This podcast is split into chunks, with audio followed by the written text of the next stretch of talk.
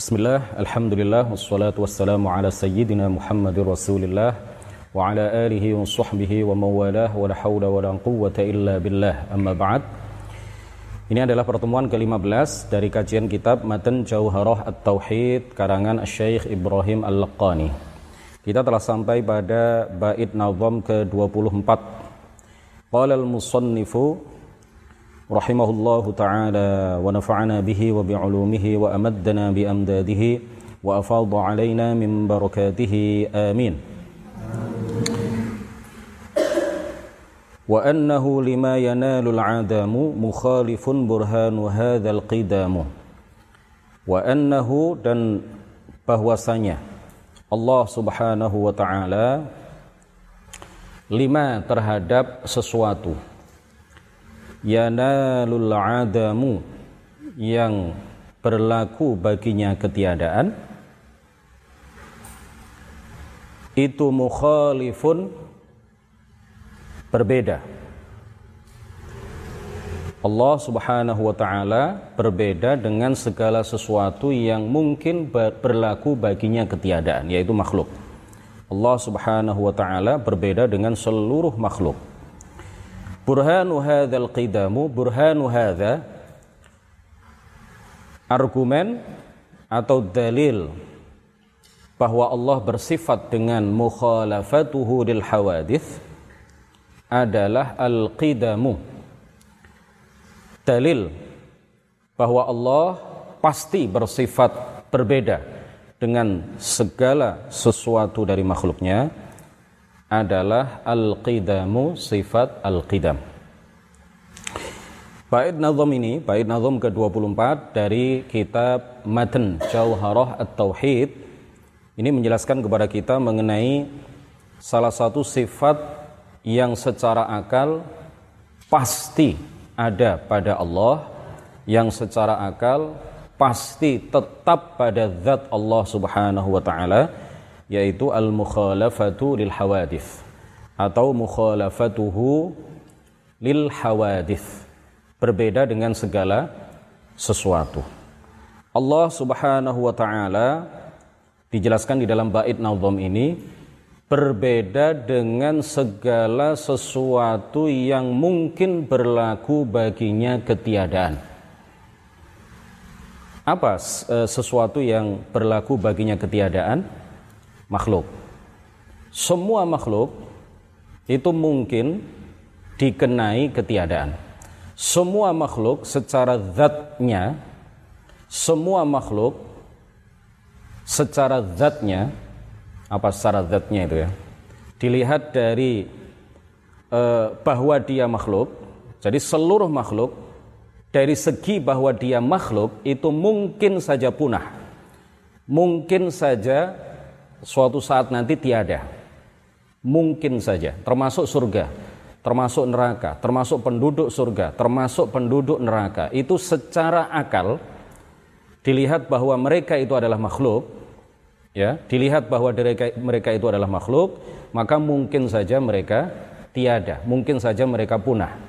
Tetapi ada sebagian makhluk itu yang dikehendaki kekal oleh Allah Subhanahu wa taala. Di antaranya adalah apa? Surga.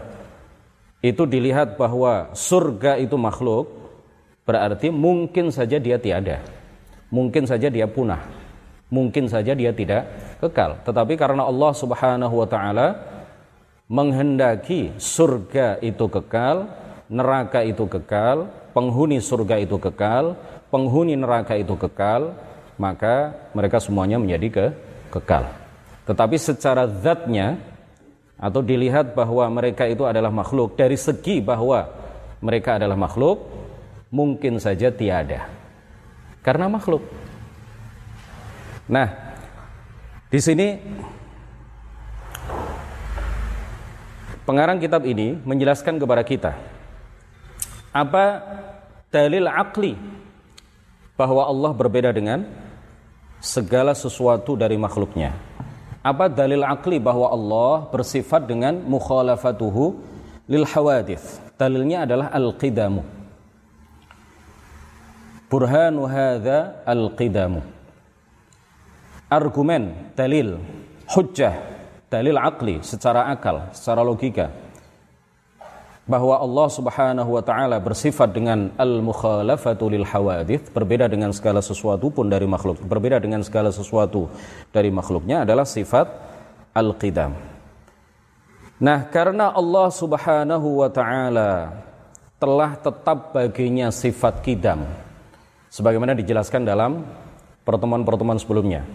Karena Allah Subhanahu wa taala telah tetap baginya sifat kidam, maka pasti dia berbeda dengan segala sesuatu. Penjelasannya bagaimana? Wa bayanu dzalika anna kullama thabata lahul qidamu istahala alaihi al-adamu wa la syai'a fil hadithati yastahilu alaihi al-adamu li dzatihi fathabata an la syai'a minal hadithati qadim. Jadi pengambilan dalil akli, dalil secara logika bahwa Allah bersifat dengan al-mukhalafah lil hawadith. Ya, dalilnya adalah bahwa Allah bersifat dengan sifat kidam, itu keterangannya begini. Karena sesuatu yang telah tetap baginya sifat kidam, yaitu Allah subhanahu wa ta'ala, telah tetap baginya sifat kidam telah tetap baginya sifat bahwa dia tidak memiliki permulaan, maka mustahil baginya al-adam. Kul ma thabata lahul qidam istahala alaihi al-adam. Sesuatu yang telah tetap baginya sifat kidam, maka mustahil baginya adam, mustahil baginya tiada. Nah, makhluk tidak ada satupun dilihat dari kemakhlukannya dilihat bahwa dia makhluk. Itu yang mustahil secara akal baginya tiada. Nah Allah itu kan bersifat kidam. Allah pasti bersifat apa? kidam. Maka mustahil baginya tiada. Nah makhluk itu dilihat dari segi bahwa dia makhluk. Tidak ada yang mustahil baginya tiada. Tidak ada yang mustahil baginya adam. Ya semua makhluk dilihat dari segi bahwa mereka makhluk mungkin saja berlaku bagi mereka ketiadaan. Ini artinya apa? Allah berbeda dengan segala sesuatu. Karena Allah mustahil baginya ketiadaan, sedangkan segala sesuatu selain Allah mungkin berlaku bagi mereka ketiadaan, itu artinya Allah berbeda dengan segala sesuatu. Nah, para ulama juga menjelaskan seperti ini. Seandainya Allah sama dengan makhluk, seandainya. Ini pengandaian. Tidak mungkin terjadi. Seandainya Allah sama dengan makhluk, niscaya mungkin berlaku bagi Allah apa yang berlaku bagi makhluk. Mungkin berlaku bagi Allah sifat-sifat yang mungkin saja berlaku bagi makhluk. Berarti seandainya Allah itu sama dengan makhluk, seandainya Allah tidak memiliki sifat mukhalafatuhu lil hawadith, berarti mungkin saja Allah disifati dengan sifat makhluk. Punya tempat, ya, punya tempat, kemudian butuh arah, butuh makan, butuh minum, e, e, butuh paru-paru, butuh jantung, butuh membutuhkan apa pun. Ya. Maka berlaku baginya apa yang berlaku bagi makhluk. Kalau berlaku bagi Allah apa yang berlaku bagi makhluk, maka batallah ayat laisa kamitslihi syai. Maka menjadi tidak benar ayat laisa kamitslihi syai. Laisa kamitslihi syai artinya dia Allah tidak menyerupai segala sesuatu pun dari makhluknya. Atau dikatakan begini, sebagian ulama mengatakan begini, Seandainya Allah sama dengan makhluk, niscaya ia memiliki banyak serupa. Ia sama dengan manusia. Seandainya Allah sama dengan makhluk, berarti ia memiliki banyak serupa. Ia serupa dengan manusia, ia serupa dengan binatang, ia serupa dengan malaikat, ia serupa dengan langit, ia serupa dengan apa pun yang kita lihat. Kalau seperti itu berarti menjadi batal ayat laisa kamitslihi syai' wa lam yakul lahu kufuwan ahad fala tadribu lillahil amsal Walillahil mathalul a'la. Ayat-ayat ini semuanya menjelaskan kepada kita bahwa tidak ada apa pun, tidak ada siapa pun yang serupa dengan dia. Allah tidak menyerupai apa pun, Allah tidak menyerupai siapa siapa pun. Dalil dari ayat Al-Quran bahwa Allah berbeda dengan segala sesuatu. Dalil dari ayat Al-Quran bahwa Allah bersifat mukhalafatu lil hawadith adalah surat Ashura yang sama-sama sudah kita hafal. Ayat 11. Laisa kamithlihi syai. Laisa kamithlihi syai. Ayatnya eh, ada ya sebelumnya. Tetapi kita ambil yang ini. Laisa kamithlihi syai. Di dalam ayat ini terdapat beberapa penguatan makna. Artinya di dalam ayat ini dijelaskan bahwa Allah betul-betul tidak sama dengan segala sesuatu. Makanya para ulama mengatakan bahwa ayat ini adalah asrahu ayatin fil Qur'ani fi tanzihillahi at-tanzihal kulliyya an musyabahatil makhluqin. Ayat ini adalah ayat yang paling jelas, bukan ayat yang paling mulia, bukan ayat yang paling utama. Kalau ayat yang paling utama apa? Ayat kursi. Ayat yang paling afdol itu ayat ayat kursi.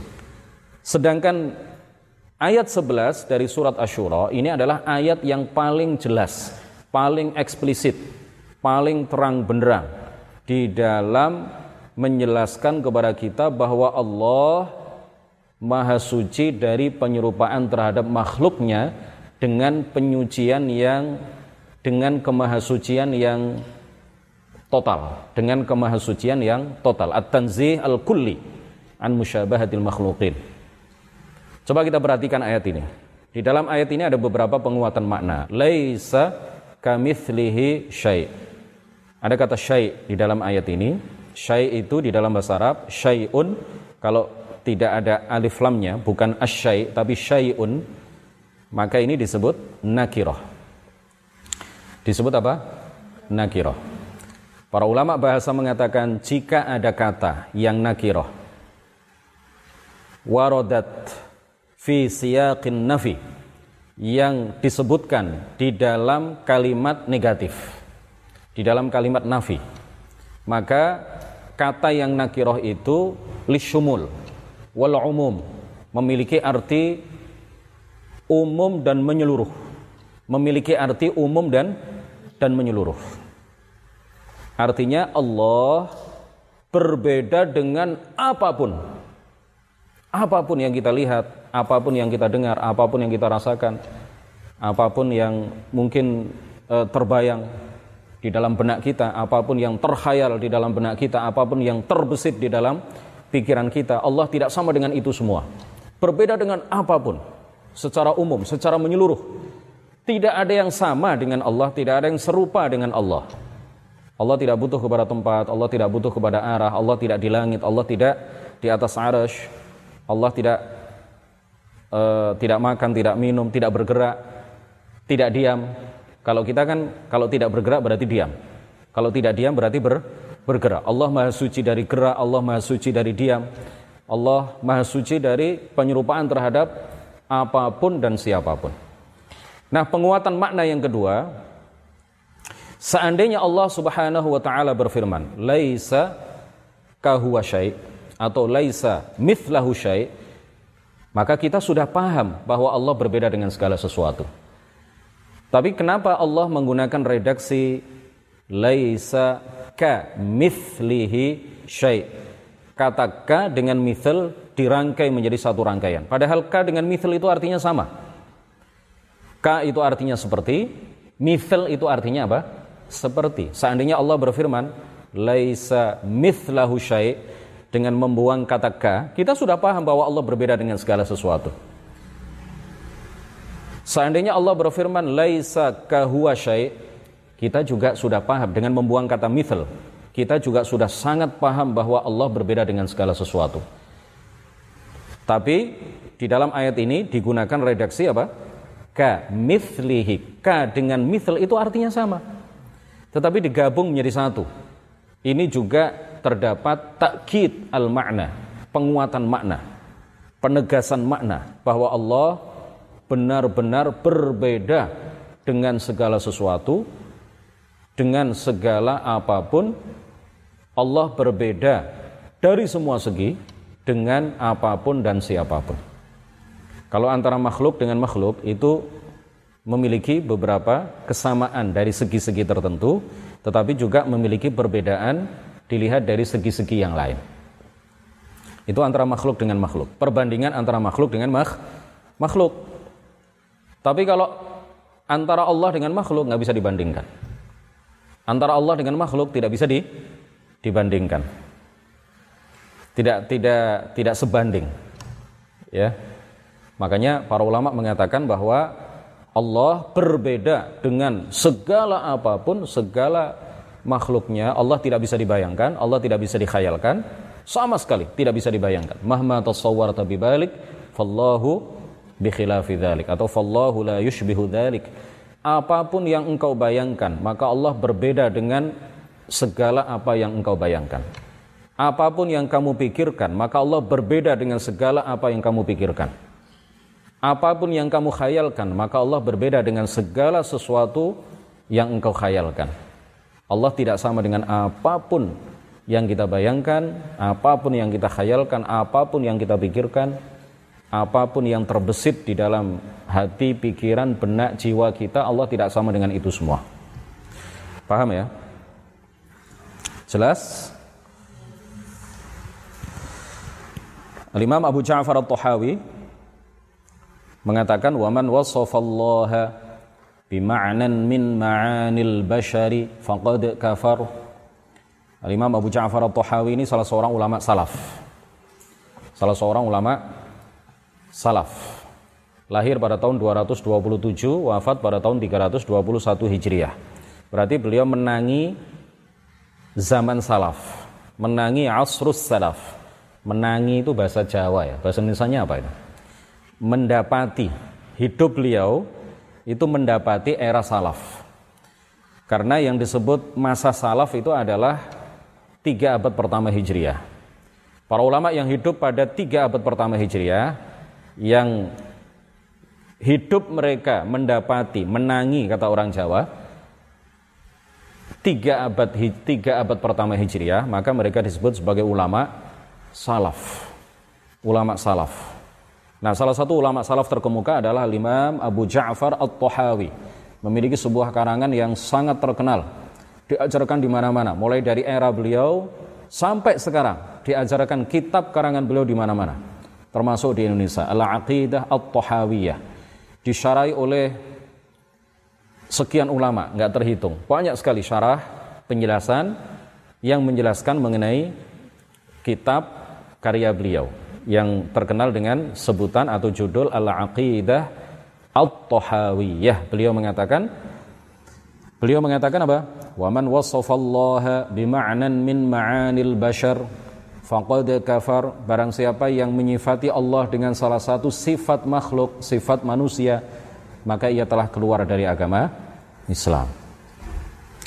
Ulama salaf yang lain, Al-Imam Abu Hanifah yang wafat pada tahun 150 Hijriah. Ya, lebih dahulu dibandingkan dengan Al-Imam Abu Ja'far Al-Tahawi, pendiri mazhab Hanafi, Al-Imam Abu Hanifah. Beliau mengatakan anna yushbihul makhluqu khaliqahu. Anna yushbihul makhluqu khaliqahu atau anna yushbihul khaliqu makhluqahu. Bagaimana mungkin sang pencipta itu sama dengan yang dicipta takkan. Bagaimana mungkin Allah itu sama dengan makhluk? Bagaimana mungkin Allah sama dengan binatang? Bagaimana mungkin Allah sama dengan manusia? Sedangkan Allah adalah pencipta binatang, sedangkan Allah adalah pencipta manu manusia. Bait nazam yang ke-25. Qiyamuhu qala al-muallifu rahimahullahu taala. Qiyamuhu bin nafsi wahdaniyah munazzahan awsafuhu saniyah Bait nazam ke-26 an diddin aw shibhi syarikin mutlaqa wa walidin kadzal walad wal astiqa an diddin aw shibhin syarikin mutlaqa wa walidin kadzal walad wal astiqa qiyamuhu bin nafsi. Ini sekarang pengarang kitab ingin menjelaskan kepada kita mengenai sifat wajib bagi Allah berikutnya yaitu apa? Al-qiyam bin nafs. Qiyamuhu binafsihi apa artinya qiyamuhu binafsihi biasanya diartikan berdiri sendiri tidak salah. Arti berdiri sendiri tidak salah. Tapi kalau anak kecil mendengar terjemah berdiri sendiri ini rentan salah paham. Makanya saya tidak pernah menerjemahkan qiyamuhu binafsihi dengan makna berdiri berdiri sendiri. Biasanya saya terjemahkan atau saya alih bahasakan tidak membutuhkan kepada yang lain, tidak membutuhkan kepada yang lain. Ya tidak salah berdiri sendiri, benar. Tapi dalam dalam arti apa? Kiasan. Berdiri sendiri artinya tidak butuh kepada kepada yang lain. Qiyamuhu bin nafsi wahdaniyah. Sifat berikutnya adalah qiyamuhu bin nafas. Wahdaniyah kemudian sifat wahdaniyah. Munazzahan. Allah Subhanahu wa taala maha suci. Ausafuhu sifat-sifatnya saniyah awsafuhu sifat-sifat Allah Subhanahu wa taala saniyah maha suci saniyah ay mutanazzihah atau maha luhur ya sifat-sifatnya luhur atau suci berbeda dengan segala sesuatu. Nah, mungkin bait nazam ke-25 ini kita selesaikan. Mestinya ada kaitannya antara yang 25 dengan 26 tapi nanti terlalu panjang. Bisa sampai jam 9 e, eh, kita selesaikan bait nazom ke-25. Kita tadi mulai dari bait nazom ke-24. Alhamdulillah lumayan dapat dua bait ya. Dapat dua baris bait atau dua bait nazom. Sifat berikutnya adalah salah satu sifat salbiyah. Salah satu sifat salbiyah. Al-mukhalafah lil hawadith ini juga sifat salbiyah. Apa itu sifat salbiyah? Sudah kita terangkan pada uh, beberapa pertemuan yang lalu. Sifat berikutnya yang juga masih sifat salbiyah bagi Allah Subhanahu wa taala adalah al-qiyam bin nafas. Qiyamuhu binafsihi, tidak butuh kepada yang lain. Segala sesuatu selain Allah butuh kepada Allah. Allah tidak butuh kepada segala sesuatu selainnya. Allah tidak butuh kepada mukhassis yang mentaksis wujudnya. Allah tidak butuh kepada sesuatu yang menjadikannya ada. Allah juga tidak butuh kepada sesuatu lain yang menjadikan bagi Allah sifat tertentu. Allah tidak butuh kepada itu semua. Allah juga tidak butuh ibadah kita. Allah tidak butuh ketaatan kita. Kita yang butuh taat kepada Allah Subhanahu wa taala. Allah juga tidak terkena mara bahaya jika kita bermaksiat kepadanya. Allah tidak mengambil manfaat dari ketaatan yang kita lakukan, dari ibadah yang kita lakukan. Allah juga tidak terkena mara bahaya tidak terkena mudorot apabila kita bermaksiat kepadanya. Allah tidak butuh kepada segala sesuatu, termasuk tidak butuh kepada ibadah kita. Yang butuh melakukan ibadah itu adalah kita. Kita. Ya, yang butuh ridho Allah itu kita. Kita membutuhkan Allah dalam setiap tarikan nafas kita. Kita membutuhkan Allah dalam setiap hembusan nafas kita. Kita membutuhkan kepada Allah dalam setiap saat yang kita lalui. Di mana pun kita berada, selalu butuh kepada Allah subhanahu wa ta'ala. Allah bersifat qiyamuhu binafsihi, tidak membutuhkan apa pun selainnya, tidak membutuhkan siapa pun selainnya, tidak membutuhkan kepada segala sesuatu. Termasuk tidak butuh kepada tempat. Allah tidak butuh kepada tempat. Kita yang butuh kepada tem tempat. Ada yang di atas seperti sebagian malaikat. Langit itu penuh sesak dengan malah malaikat. Langit itu penuh sesak dengan apa? Malaikat. Seputar arasy itu juga penuh sesak dengan malaikat yang selalu tawaf, bertasbih, berzikir, memuji Allah Subhanahu wa taala. La ya'lamu 'adadahum illallah. Tidak ada yang mengetahui jumlah para malaikat yang mengelilingi arasy kecuali hanya Allah Subhanahu wa taala saking banyaknya mereka. Ada yang di bawah di bumi seperti kita, tempat yang kita pijak ini, tempat yang kita tempati ya. Kita di bumi, binatang juga butuh tempat, apa pun butuh tempat.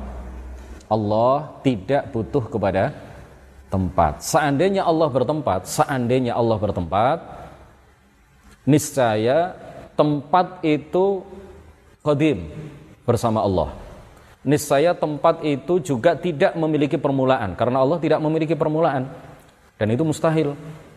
Masa tempat itu tidak memiliki permulaan? Berarti batal ayat huwal awwalu wal akhiru hanya dia yang tidak memiliki permu permulaan. Hanya Allah yang tidak memiliki permulaan. Atau kemungkinan yang lain kemungkinan yang lain seandainya Allah bertempat maka Allah memiliki permulaan karena tempat itu memiliki permulaan. Ini juga mus mustahil. Atau dikatakan oleh sebagian kalangan naudzubillah wal billahi taala. Allah bertempat di atas arsh. Allah bersemayam atau duduk atau bertempat tinggal. Mustaqirrun atau jalisun alal arsh. Ini adalah akidah yang sesat sangat sesat. Sangat sesat. Bahkan para ulama mengatakan kufur orang yang meyakini bahwa Allah Subhanahu wa taala ber, bertempat atau berada di atas arus. Seandainya Allah berada di atas arus, seandainya, seandainya. Allah kan ada tanpa tempat ya. Tapi diandaikan, seandainya Allah Subhanahu wa taala duduk di atas arus, maka ada beberapa kemungkinan. Kemungkinan pertama, Allah sama dengan arus. Kemungkinan kedua, Allah lebih besar daripada arus. Kemungkinan ketiga, Allah lebih kecil daripada arus. Itu semuanya berarti apa? Menjadikan Allah punya ukuran dan itu semuanya mustahil. Seandainya Allah punya ukuran berarti Allah membutuhkan kepada sesuatu yang menjadikannya dalam ukuran tertentu. Berarti Allah tidak memiliki sifat qiyamuhu binaf binafsihi. Karena Allah memiliki sifat qiyamuhu binafsihi, maka ia tidak berukuran, maha suci dari ukuran. Ia maha suci dari bentuk ia maha suci dari tempat. Tidak butuh kepada tempat, tidak butuh kepada arah. Ia maha suci dari memiliki anggota badan dan lain sebagainya. Dalil dari Al-Qur'an bahwa Allah Subhanahu wa taala memiliki sifat qiyamuhu binafsihi adalah firman Allah Subhanahu wa taala Allahu la ilaha illa huwal hayyul qayyum. Allahu la ilaha illa huwal hayyul qayyum. Ayat apa ini? Ayat kursi. Ayat? Ayat kursi. Ayat yang paling utama. Ayat yang paling uh, afdol ya Allahu la ilaha illa huwal hayyul qayyum nah kemarin di pertemuan berapa itu ya kita menjelaskan tentang sifat al-baqa. Sifat al-baqa itu dalilnya juga disebutkan sama. Allahu la ilaha illa huwal hayyul qayyum.